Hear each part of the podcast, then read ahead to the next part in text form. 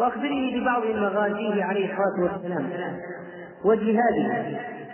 وكيف لو أنه صلى الله عليه وسلم كان حيا وكان هناك معركة أو شخص يهجم عليه صلى الله عليه وسلم وكان هناك إنسان مسلم موجود بجانبه لوجب أن يتلقى القتل دونه. لأن حمايته صلى الله عليه وسلم وتقديم تقديمه على النفس واجب واجب. لو انطلق سهم باتجاه النبي عليه الصلاة والسلام وهناك مسلم بجانبه لوجب عليه أن يتلقى السهم ويقوم يقول نحرجه لنحرج يا رسول الله. يعني تسديته بالنفس واجب. هذه امور ينبغي أن تغرس الأطفال مع مسألة تحفيظهم بعض أحاديث النبي صلى الله عليه وسلم المناسبة لهم. أقول أيتها المرأة المسلمة الكلام على موضوع تربية الأطفال كلام طويل وليس هذا موضعه، لكن المسألة الآن تحت الهمم للقيام بهذه المسؤولية، لأننا الآن لو نظرنا في هذه المآسي التي ترتبت كما قلت لك قبل قليل عن موضوع غياب التربية الإسلامية من قبل الأم والأب طبعا مشارك بطبيعة الحال لوجدنا هذه المسألة مسألة شنيعة جدا. حوادث سرقة سرقات الأطفال التي يقومون بها. الاعتداء على البيوت ومحاولة الاعتداء على الخادمات. هذه جرائم وتسلق هجران مدارس البنات وكتابة الكلام البذيء وتخريب المرافق العامة. وكتابة الكلمات البذيئة على حمامات حتى المساجد. بل وتخريب بعض المساجد ومكبرات الصوت وإيذاء المصلين من الخلف. والقيام بالفواحش بأنواعها بل بل تصل إلى القتل. والتجسس على النساء. والنظر إلى نساء الجار من خلال الشقوق والنوافذ. وشبابيك الحمامات. وغير ذلك من الأمور المأساوية التي تعج بها مجتمعاتنا. وإطالة الشعور والأظفار بل حتى القذارة في الجسد والقرف الذي يكون في الجسد و عدم الاكتراث لنظافته هذا نابع من طبيعة بيئته عندما تعوده على القذارة يخرج قذرا. لا تهتم بنظافته يخرج وسخا. بل وصلت بعض وصل الأمر ببعض الأمهات لما عوتبت على القمل في رأس ابنتها أنها قالت نحن نفتخر به. سبحان الله كيف تصل الأمور إلى هذه الدرجة؟ هؤلاء الشباب الآن الذين يشتغلون بالمعاكسة في الهواتف والأسواق. ويغرون بنات المسلمين للذهاب معهم. وتحدث بعد ذلك الكوارث. بل إنهم يخونون الجار في زوجته. وينتهزون وينتهزون فرصة خروجه للدوام والمناوبة ونحو ذلك. هذه الأشياء نتيجة أي شيء. فساد البنات البنات الصغيرات لا يتوقع من من جنس ان ان يكون عندها هذا المستوى في الفساد وهو عندها إلى الخامسة والسادسة ابتدائي والمرحلة المتوسطة ادهى وامر التدخين عند الأولاد كما أن المكياج والستور عند البنات والملابس غير المحتشمة ولا الشرعيه هذا نتيجة أي شيء. ما يحدث من هذه المآسي وانتشار الأغاني والأشرطة الإباحية والخلاعية وإلقاء الأرقام وأخذ الأرقام. هذه أشياء كلها نتيجة لشيء لأمر واحد وهو إهمال الأولاد. والله سبحانه وتعالى يحاسب. كلكم راع وكلكم مسؤول عن رعيته فأنت ستسقطين أمام الله سبحانه وتعالى لكي يحاسبك عما قدمت وعما اقترفت يداك ويحاسب سبحانه وتعالى على التقصير والإهمال حتى يسأل الرجل عن أهل بيته ويسأل المرأة عن بيت زوجها. وكثير من العقد النفسية الموجودة عند الأطفال نتيجة فقدان الحنان. المفروض أن يكون من المرأة كما وصف النبي صلى الله عليه وسلم نساء صالح نساء قريش. أحناهن على ولد في صغره. أحناهن على ولد في صغره. وكذلك هي تحافظ على مال زوجها وهو عندها كما أنها تحفظ فرجها في غياب زوجها كما أخبر النبي صلى الله عليه وسلم. أيتها النسوه إن هنا عدد من الثغرات الأخرى ونتكلم عن بعضها بسرعة. مثل قضيه دورك انت في مقاومة المنكرات كما قلنا المجتمع يوجد فيه منكرات كثيرة في مستويات مختلفة. فمثلا هناك منكرات في العقيدة. كم عدد النساء اللاتي يذهبن إلى السواحر والسحرة؟ كم عدد النساء اللاتي يذهبن إلى العرافين والكهان كم عدد النسوة اللاتي يذهبن إلى الدجالين والمشعوذين أعداد كبيرة جدا. هذه تذهب لتعمل السحر الأخرى وهذه تذهب لفك السحر للساحر وهذه تذهب لتستثير الدجال والكاهن في قضية الزواج أو نقل بيت ونحو ذلك. هل هو خير أو لا؟ والأخرى مستعدة أن تسافر أو تتصل بالهاتف وتدفع 500 ريال رسم السؤال ويأتيها الجواب من الدجال. وهذه تذهب وهي تعلم أنه دجال ومشعوذ لكن تقول بعضهم يقول نجرب وبعضهم تقول ما عندنا طريقة نجلس نتألم طيله الوقت نقول لك إن الصبر على ألم الجسد خير من ذهاب العقيدة ولو شفي الجسد. وقد أخبر النبي عليه الصلاة والسلام عن أمر يهودي كان يرقي ويفيد قال أخبر أن هذا بسبب الشيطان يعينه يعينه وينخس ذلك العرق فيسكن. الشيطان يتدخل اذا في قضية العروق ينخس العرق ليسكن. فيتوهم المسلم أن اليهودي هو السبب في هذا هذه الخفه التي احس بها. هذه نافذه للشر كبيره جدا موجودة في المجتمع. ماذا فعلت انت من أجل محاربة هذه القضية. ولك قريبات وجارات وصديقات يقعن في هذا المنكر العظيم. والذي يأتي دجالا أو كاهنا فإن آمن به فقد كفر بما أنزل على محمد صلى الله عليه وسلم. لأنه لا يعلم الغيب إلا الله والسحر كفر ونحو ذلك. والذي تأتيه تجرب فلا تقبل لها صلاة الأربعين يوما. ويجب عليها أن تصلي وإلا كفرت لكن ما لها أجر على الصلاة إلا إذا تابت إلى الله توبة عظيمة. وتأملي في حج في, في, في الأجر المترتب على إنكارك. أقول تأملي في الأجر تأملي في الأجر المترتب على تعليمك الخير ومنع لهؤلاء من الذهاب إلى المشعوذين وتذكيرهن بالله. كم امرأة كم أم امتنعت نتيجة تحذير ابنتها الصالحة؟ وكم جارة امتنعت نتيجة نصيحة جارتها الملتزمة المتدينة التي تفقه هذه مسائل الجسام من أمور العقيدة. وهذه المرأة التي إذا رأت النساء يتسلين بقراءة الفنجان قامت لله متجردة تذكر وتنصح. أو رأت إحداهن تعبث بقراءة كهف ولو كان بالمزاح تقول تخبر أنه لا مزاح في هذه الأمور وأنها أمور خطيرة جدا لا يجوز المزاح فيها حتى في المزاح هذا من الأشياء من الأشياء الأخرى انتشار قضية الدعارة في المجتمع انتشار المسائل الفساد وقضية دخول بيوت النساء وذهاب النساء مع الأجانب وشيوع الفاحشة. التي تبدأ من الإغراءات والمعاكسات تغذيها الأفلام والمجلات لتنتهي بالفواحش والوقوع بالكبائر الموبقات.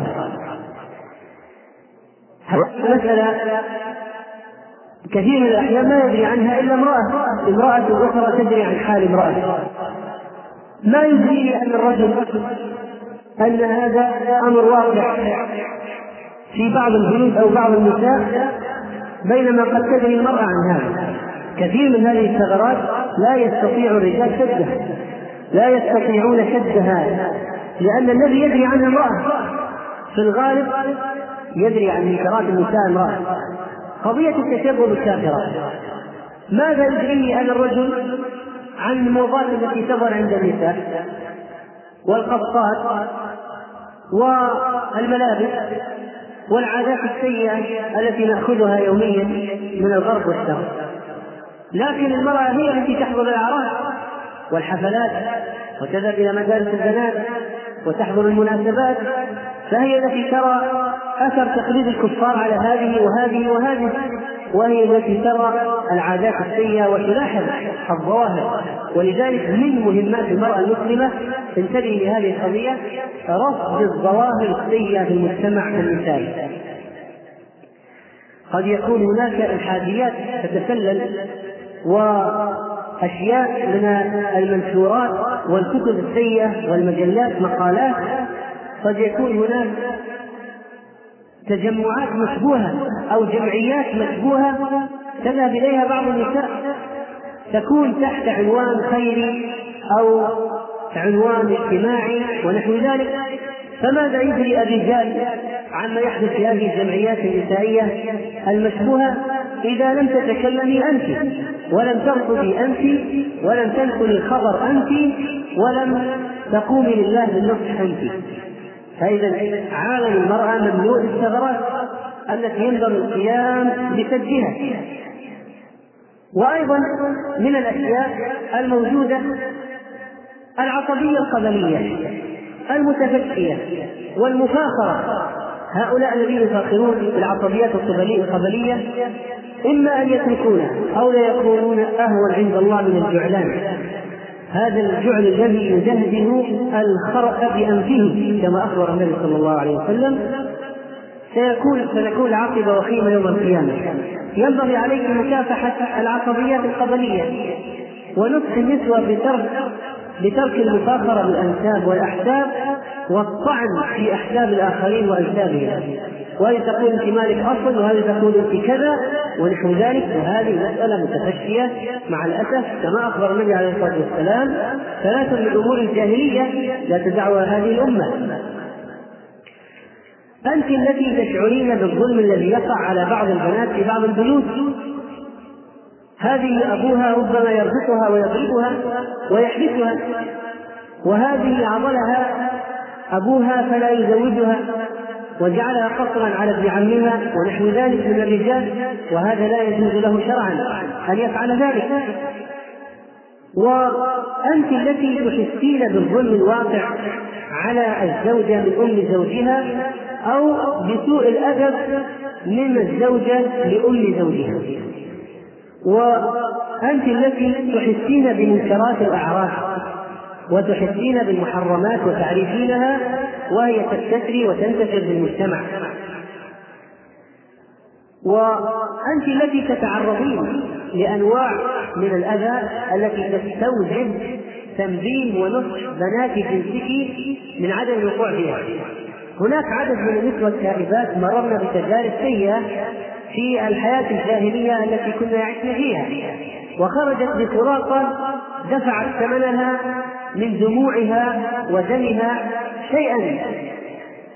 فإذا هل تترك هذه القضية لتمشي هكذا دون تنبيه ودون ودون تحذير لبنات جنسها كلا والله لا يمكن أن تكون المرأة المسلمة بهذه السلبية أبدا. لا يمكن أن ترى المرأة منكر في عرس أو مناسبة ثم لا تنكر وأقل شيء أنها تقوم من المجلس مخ... مخ... خارجة منه مفاصلة لأصحابه لتعلن براءتها مما يدور من المنكرات. هذه مسألة واجبة لا بد أن تحدث. وكذلك فإن هناك أنواع من أعمال البر عبارة عن ثغرات في عالم النساء. فمثلا كثير من البيوت التي فيها فقراء لا يدري عنهن إلا النساء. عن طريق النساء تصل الأخبار بما لا يدري عنه كثير من الرجال. فلانه أرملة. عندها فلانه عندها أيتام. فلانه فقيرة. فمسألة جمع التبرعات للعوائل الفقيرة وإيصالها ورفض العوائل هذه النساء أحسن من الرجال بمراحل. ولا إنكار في ذلك ولا مجادلة وهذا معلوم مشاهد مجرد وهناك عدد من النساء الخيرات اللاتي يقمن بالسعي على الأرملة واليتيم. الساعي على الأرملة كالمجاهد في سبيل الله. أنا وكافر اليتيم في الجنة. وكهاتين وأشار بإصبعيه السبابة الوسطى صلى الله عليه وسلم. بعض النساء يذهبن إلى المسجد لحضور المحاضرات. ولكنهن لا يكلفن أنفسهن حتى حفظ الأولاد من الصياح ولا المسجد من الوساخة فإذا غادرت النساء مع الأولاد المصلى يتركنه في غاية الاتساخ وفي غاية القذارة بل وربما تركت حفائظ الأطفال في المصليات والمساجد. ترك الطفل يبول على سجادة فتصلي عليها امرأة أخرى أو يصلي عليها الرجال في صلاة الجمعة. ومن الذي يتحمل المسؤولية والإثم؟ هذه المرأة المهملة التي جاءت إلى المسجد. وما يحدث من النساء من اللغط وارتفاع الأصوات في المحاضرات والدروس وصلاة التراويح؟ وجعل المسجد مثل المقهى أو الحضانة. الذي تأتي إليه لكي تنفس عن نفسها وعن مشكلاتها بالحديث بالأحاديث مع أن هذا مكان عبادة أو مكان تعليم ودرس ومناسبة محاضرة أو إلقاء لأمور من الأمور الشرعية لكن كثير النساء لا يقوم بهذا. كانت هناك ثغرة تسدها امرأة على عهد النبي صلى الله عليه وسلم فاسمعي حتى تعلمي ما هو ما هي المسافة بيننا بين المرأة الآن؟ ودورها في المسجد التي تأتي إلى المسجد وبين المرأة في عهد النبي صلى الله عليه وسلم. روى الإمام البخاري رحمه الله تعالى عن أبي هريرة أن امرأة سوداء كانت تقم المسجد وقيل رجل أسود امرأة سوداء كانت تقوم المسجد على عهد النبي صلى الله عليه وسلم فماتت فسأل النبي صلى الله عليه وسلم عنها فأخبروا أنها ماتت قال أفلا كنتم آذنتموني به؟ أو آذنتموني بها. دلوني على قبرها فأتى قبرها فصلى عليه صلى الله عليه وسلم. هذا الحديث استدل به العلماء على فضل على فضل تنظيف المسجد وأن هذه المرأة السوداء النبي صلى الله عليه وسلم سأل عنها افتقدها كانت تقوم بمهمة تنظيف المسجد. نحن لا نقول المسجد قد يكون فيه منظفين أو عمال لكن على الأقل تنظف ما خلفت من الأشياء وما خلف غيره غيرها. لا بأس أن تقوم هي بسد خلل غيرها إذا جاءت إلى المسجد في محاضرة أو في درس. من الأمور أيضا ومن أعمال البر والخير مثلا مساعدة من يريد الزواج في البحث عن امرأة. فهي تسأل وهي التي تأتي بالعناوين والأسماء والمعلومات من العمر والدراسة ونحو ذلك. هذه مسألة تنجح فيها المرأة نجاحا كبيرا. لا يستطيع الرجل أن يذهب ويقول من عندكم في البيت من النساء؟ وهاتوا معلومات. لكن المرأة يمكن أن تقوم بهذا. وكانت نسوة من السلف يقومن بدور الخاطبات وتتوسط إحداهن زواج تسعى في مشروع الزواج فتكون من الدالات على الخير والدالة على الخير كفاعله. في موضوع الكفر إذا يوجد هناك مجال متسع وهي ثغرة تقوم عليها النساء. حتى في تغسيل الميتة. تغسيل الميتة هذه الآن ثغرة من الثغرات ومعلوم أن المرأة تغسلها المرأة إلا إذا كان ذات زوج أو محرم غسلها زوجها. والمرأة تغسل المرأة.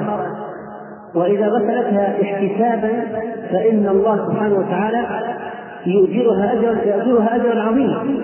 قد أخبر النبي صلى الله عليه وسلم عن المسلم الذي يغسل المسلم فيستره ولا يخبر بالسوء عنه أن الله سبحانه وتعالى يستره ويثيبه بأجر عظيم يوم القيامة.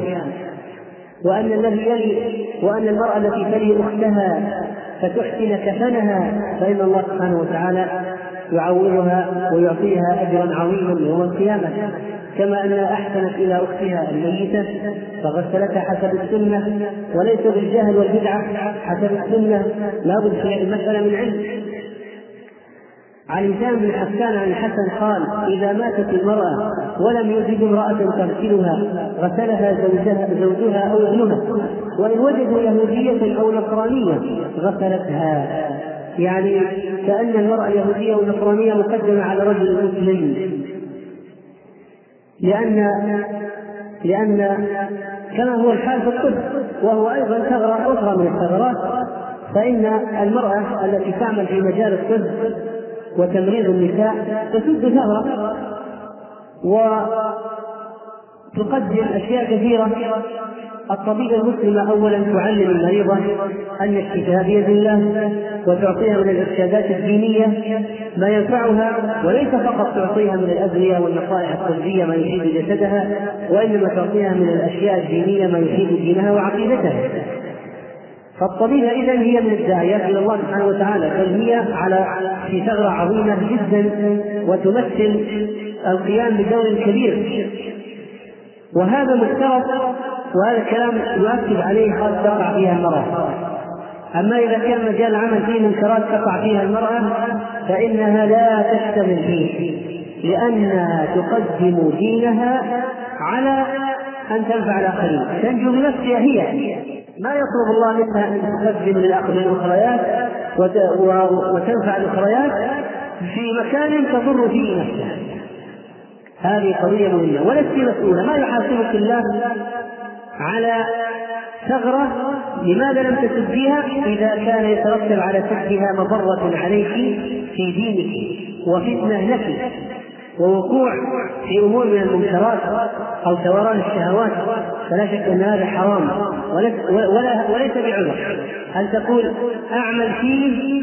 تعمل فيه وهي وهي تكشف على عورات الرجال أو ممرضة؟ تمد يديها لتفحص الرجل أو تأخذ حرارته وتقيس الضغط ويترتب على ذلك أن تمسه هذا حرام لا يجوز لها هذا ولا يجوز أن تعمل في هذا المجال ولا تقول هذه ثغره فإننا نقول في موضوع الثغرات هذا أن هناك عدد من النساء يقعن في فخ الشيطان. يأتي الي الشيطان يقول لها هذه ثغرة وينبغي أن تسديها وأن تشتغلي بها وأن تدخلي في هذا المجال وهذا فيه خير وسيله دعوة ومكان إلى آخره. وفي النتيجة النهائية نلاحظ إهمال الزوج والأولاد وقوع في منكرات اختلاط ونحو ذلك. وكم حصل من القصص المأساوية في هذا الأمر؟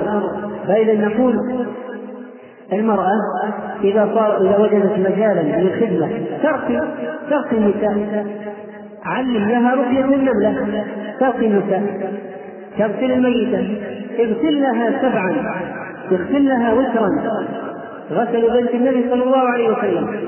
فإذا الثغرات التي لا يترتب عليها منكر وقوع في منكر يجب المرأة أن تتقدم لسدها والتي يترتب عليها الوقوع في منكر محرم فليست مسؤولة عن سدها ليست مسؤولة عن سدها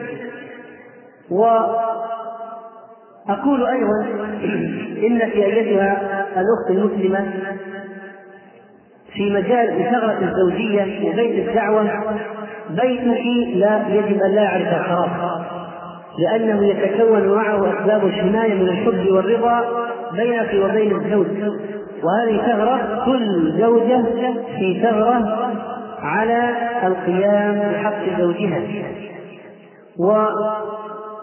وينبغي أن يكون الزوج أحب الناس إلى زوجته وأن يكون البيت قائما على الالتزام بالإسلام وتربية الأولاد التربية الصالحة والدعوة إلى الله ودعوة الجيران القيام بالحقوق القيام بالحقوق الشرعية. والمرأة تحتسب وهذا أمر مهم. تحتسب في الطبخ والتنظيف وكي الملابس وغسلها. تحتسب تحتسب المرأة في خدمة الزوج وطبخ طعام الضيوف. تحتسب في تنظيف الولد من النجاسات. وتحتسب المرأة في آلام الحمل وما يحدث من الولادة. لأن عدد من النساء يأخذن هذه القضايا عادة. فلا تنوي فيها وجه الله لا فيها وجه الله فيفوت أجر عظيم. ولذلك صحيح المرأة مختورة على هذه الأشياء لكن لكن احتسابك للأجر يجعل لك احتسابك الأجر يجعل لك حسنات كثيرة لا تحصل لك دون احتساب. فإذا الاحتساب أن تتذكري لحظة القيام بالعمل التي تقومين به تقومين به لوجه الله ابتغاء مرضات الله سبحانه وتعالى. ولا تدمر البيت بالخروج من العمل ويصبح العمل قضية بوضة وتقليد الآخرين وفخر وأنه يسعى إليه سعيا حديثا ولو أدى إلى ما يؤدي إليه من الفساد. هذه تكون نفسيتها مرهقة جدا وهذه تكون كثرة المتاجرات بيني وبين زوجي لأن كلانا يأتي من العمل متعبا. فأي مشكلة بسيطة تثير الأعصاب وهذه تقول أولادي يفتقدون حناني ولا يشعرون نحوي بما يجب من الشعور من الأم ولدها وقد تعلق بالخادم أكثر منه هذا هذا عيب. عيب كبير جدا أن يحدث. وعليك أيتها المرأة المسلمة بتقوى الله سبحانه وتعالى وإرشاد الأخريات. علميهن علميهن أن القراءة في كتب العلم الشرعي أهم من القراءة باقي طلق الشهر وطلق الأسبوع.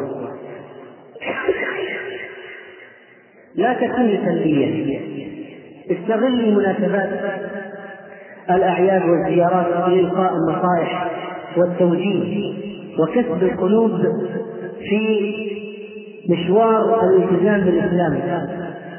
انصحي في ذات الله. الجارات. الجيران مصدر للشر أو الخير.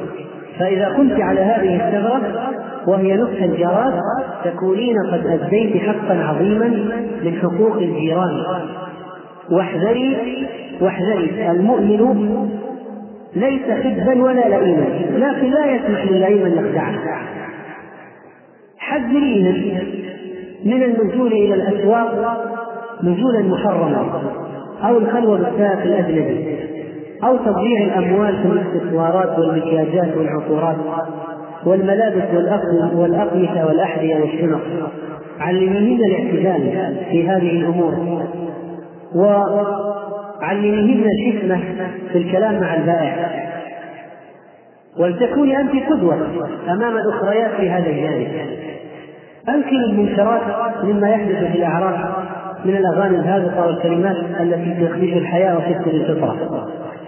وتكوني أنت أيضا قائمة بثغرة. إذا كنت تستطيعين المشاركة في استبدال هؤلاء المفسدات في الأعراس بأناس أو بنساء أنت معهن أو تأتين بهن من الطيبات اللاتي يقمن ببرامج نافعة وطيبة في تلك الليلة. وحارب هذه المشاهد العفنة من الملابس القصيرة أو الشفافة أو شبه العارية أو المليئة بالصور والكتابات الأجنبية السيئة الموجودة على صدور المسلمات. وحارب الإسراف في الولاء والتبذير فيها ولا يجوز لك السكوت عن منكر رمي الطعام مع القاذورات وكذلك حارب الإسراف في جميع مظاهره سواء في فستان العرس أو أو ما شاكل ذلك من الأمور وحارب العادات التي تأتي من الكفار من الأمور المختلفة التي وقعت فيها نساؤنا اليوم وحارب السخف الموجود في المجتمع عند النساء من الآراء السخيفة أو الأمور السخيفة التي أضرب لها مثلا بهذه الأشياء التي تأتي إلينا من دور الأزياء الغربية ولو كانت سخيفة. فهذه هذا عطر برائحة بسيطة. خرج وانتشر مع أنه لا ذوق فيه ولا رائحة طيبة لكن هكذا يحصل. وكذلك أيتها المرأة المسلمة ينبغي أن يكون هناك مشاعر حياضة منك تجاه أخواتك وحفظ الود وعدم إفساد العلاقات بالغيبة أو النميمة أو الحقد والحسد والنظرات العابسة والجبين المقطب الذي يؤدي إلى حصول القطيعة والشقاق وتجلسين شهورا لا تكلمين فلانا وسنين لا تدخلين بيت فلانة لأتفه الأسباب التي لا ترضي الله سبحانه وتعالى. ليست سببا شرعيا للهجر وأنت تهجرين وأنت تعلمين أن النبي صلى الله عليه وسلم قال لا يحل لامرئ مسلم أن يهجر أخاه فوق ثلاث. وكذلك فإنني أقول لك أيضا إنه ينبغي محاربة الفساد في البيوت مما يكون عند الأخت أو القريبة في صور أو مجلات وأفلام تكون موجودة في البيوت وأنت شاهدة عليها. ولو قلت ما استمعت لي وما انتصحت وما تأثرت فأقول لك إن المهم أن تقومي بما عليك من واجب الدعوة من واجب الدعوة ومن واجب الدعوة وإقامة الحجة والنصح والبيان من صحيح بين بين حين وآخر. وكذلك أقول لك إن زيارتك لأخواتك في الله هذه من الطاعات والعبادات المهمة التي إذا تسنت الفرصة فيها بإذن الزوج أو ولي الأمر فمن ولي أمرك الأب مثلا فإنك تخرجين بالحكمة والملابس الشرعية وتختارين الوقت المناسب واليوم المناسب للزيارة وتستندين الزيارات المفاجئة دون موعد مسبق ولا استئذان كما يحدث بعض النساء التي يحرجن أخواتهن. ولا تطيلي مدة الزيارة لأنها تثقل تكون ثقيلة على أختك التي يكون لها مسؤولية وهي زوجة وأم وربة بيت وكذلك فإن عليك أن تتحفظي وقت الزيارة في الأقوال والأفعال وعدم إيذاء الأخريات وأن تحفظي أولادك من العبث بممتلكات الآخرين وعدم توثيق وتقدير بيوتهم. وكذلك أظهري الرضا والسرور بما يقدم إليك من الضيافة وتجنبي كثرة المزاح الذي يؤدي إلى الحقد والاحتقار وقومي بشكر صديقاتك عند نهاية الزيارة والدعاء لهن بالخير والصلاح والأجر العظيم من الله سبحانه وتعالى. هذا ما أردت أن أقوله في هذا الموضوع في موضوع الثغرات التي تسدها المرأة المسلمة. وأسأل الله سبحانه وتعالى أن يجعلنا جميعا هداة المهتدين غير ضالين ولا مضلين وأن يغفر لنا ذنوبنا أجمعين والحمد لله رب العالمين. وأنتقل الآن للإجابة عن الأسئلة.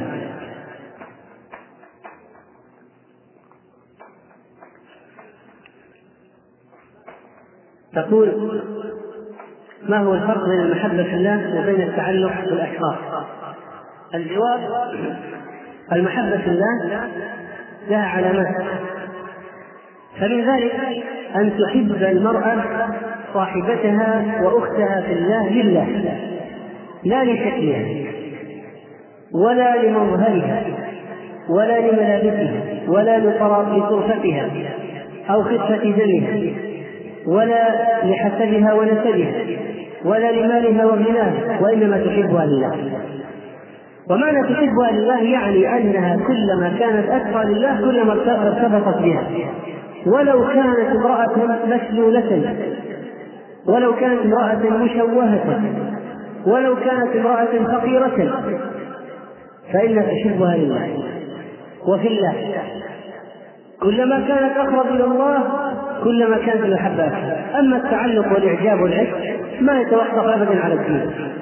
فإنها تحب هذه وتتعلق بها لشكلها ومظهرها ونحو ذلك من الأمور. وهذه علاقات مجمعة ثم إن المحبة ما تقتصر على شخص على امرأة معينة فإنها تحب هذه وهذه وهذه وتكلم هذه وهذه وهذه وتزور هذه وهذه وهذه وتقف مع هذه وهذه وهذه. أما التعلق والعشق فإنه يكون مقتصرا على امرأة معينة في الغالب. لا تمشي إلا معها ولا تخرج إلا معها ولا تتكلم إلا معها وتنكفئ عليها. ويصبح كل واحدة منهما شكرا على الأخرى. وهذا خطير جدا كما قلت ويؤدي إلى إفساد العلاقة بين المسلم وبين ربه ويؤدي إلى صرف أنواع من العبادة لغير الله سبحانه وتعالى. إذا كانت المرأة مطلقة من زوجها من غير ورقة الطلاق هل يجوز لها رؤيته؟ الجواب إن إن الطلاق الشرعي إذا حصل فإن الورقة لا تقدم ولا تؤخر من جهة الحكم. وإنما يؤخذ يؤخذ الورقة لضبط الشيء ثم الطلاق حصل إذا كان حصل بشكل شرعي فقد حصل. وبناء على ذلك فإنها إذا كانت العدة وهي ثلاث حيض من من وقوع الطلقة يجوز لها أن تجلس مع زوجها وأن تكون معه في البيت بل إنه لا يجوز له أن يخرجها من البيت. لا تخرجوهن من بيوتهن ولا يخرجن إلا يأتين الفاحشة مبينة أما ما يفعله بعض بعض الفاسقات اليوم وأقول فاسقات لأنهن مخالفات لأمر الله وكل من خالف أمر الله فاسق مجرد ما يطلقها زوجها تخرج من البيت. لا يجوز لها ذلك. ما تخرج من البيت. لا تخرجوهن من بيوتهن ولا يخرجن. لأن الله سبحانه وتعالى جعل الوقاء في البيت وقت العدة. هذا وراءه حكم. لا تجوز مخالفته إذا هو طردها شيء ثاني هو يتحمل الإثم لكن هي لا تخرج من تلقاء نفسها. إذا كانت الطلقة رجعية بعد الأولى والثانية. أما الطلقة الثالثة فهذه لا تجلس عنده في البيت لأنه لا فائدة من الجلوس حيث أنه لا يجوز له أن يرجع إليها. بعد الطلقة الثالثة فلأي شيء تجلس لبس العباءة على الكتف ولبس العباءة المزخرفة. هذا طبعا من المنكرات التي انتشرت في المجتمع. الآن أنواع الملابس الغير الشرعية كثيرة جدا. هذا شفاف وهذا قصير وهذا ضيق وهذا مطيب وموخر وهذا مزخرف وهذا عليه ورود وألوان وحاشية وفي أطرافه زينة. تخرج به المرأة من أنواع الكشافة والضانتيلات وغيرها التي تكون موجودة على الثياب طبعا هذا حرام. هذه متبرجة بزينة عاصية لله مخالفة لما أمر الله سبحانه وتعالى. غير متبرجات بزينة وهذه تتبرج بزينة وأما لبس العباءة على الكتف فإنه يجسم الكتفين، لو رفعت العباءة فوق الرأس ما يجسم الكتفين، وكذلك إذا لبستها على الكتفين فإن الخمار المسدود على الرأس يظهر حجمه، لو رفعت العباءة فوق رأسها ما ظهر حجم ما ظهر حجمه، ثم إن رفع العباءة فوق الرأس مطابق لما أمر الله يدنين عليهن من جلابيبهن وإدناء الجلباب يعني أن تلبس من الأعلى إلى الأسفل ما رأيك في بعض النساء التي يأتين إلى المركز والمستشفى بسيارة أجرة مع الرجل الأجنبي الجوار ما خلا رجل بامرأة إلا كان الشيطان ثالثهم فإذا كان معها امرأة أخرى وكان الثالث مأمونا جاز لها أن تنتقل وإذا لم يكن إلا هي فلا يجوز لها أن تنتقل بهذه الطريقة. وجلوسها في بيتها خير لها من الذهاب ولو إلى مركز تحفيظ القرآن لأن الذهاب هذا صار معصية. ولا يجوز أن نتوصل إلى طاعة بالمعصية لا يمكن أن نجعل طريقنا إلى طاعة هو معصية لله. نصيحة لتارك الصلاة. أو لتاركة الصلاة. تاركة الصلاة. هذا الكلام الذي كله الذي قلناه يعني يصبح هباء منثورا بجانب ترك الصلاة. كل هذه التوصيات مبنية على أن هذه المرأة مسلمة. فإذا كانت تاركة للصلاة صارت امرأة والعياذ بالله كافرة. إذا تركت الصلاة بالكلية خرجت من الدين كما قال النبي صلى الله عليه وسلم بين الرجل وبين الشرك أو الكفر ترك الصلاة فمن تركها فقد كفر. امرأة ولا رجل إذا تركتها كفرت ويجب عليها أن تتشهد تأتي بالشهادتين وتغتسل وتدخل في الدين وتعاود الصلاة وتتوب إلى الله سبحانه وتعالى. واعلمي أن الراجح من أقوال العلماء أنه لا سبيل إلى قضاء الصلاة الفائتة عمدا أبدا. ما تصلح قضاء الصلاة التي تركتها عمدا؟ ولذلك عليك بالاكثار من النوافل علم الله أن يتجاوز عنك ويكمل نقص فريضتك من النوافل والسنن نقي عدد الفتاة أجبرتها الظروف على العام الدراسة في جامعة مختلطة وحاملة في شتى الوسائل لكن لم تتمكن. ووالدها ومعظم أفراد عائلتها منعوها من إكمال تعليمها في سبيل في كلية البنات. طيب إذا وجدت أنها تتعرض لفتن فلا يجوز لها أن تجلس في المكان أبدا. يجب عليها أن تتركه وتغادره وترفض الذهاب إليه فإذا غصبوها بالقوة وضربوها فالإثم عليهم وعليها أن تحتشم قدر الإمكان. أما أنها تذهب اختار تذهب فلا يجوز لها ذلك. يقولون إن الذي يغش امتحانات النهائيه وامتحانات الشهر فإن الاموال التي يكتبها حرام ليس ببعيد إذا كان يعمل بهذه الشهادة ثم إن الغش حرام.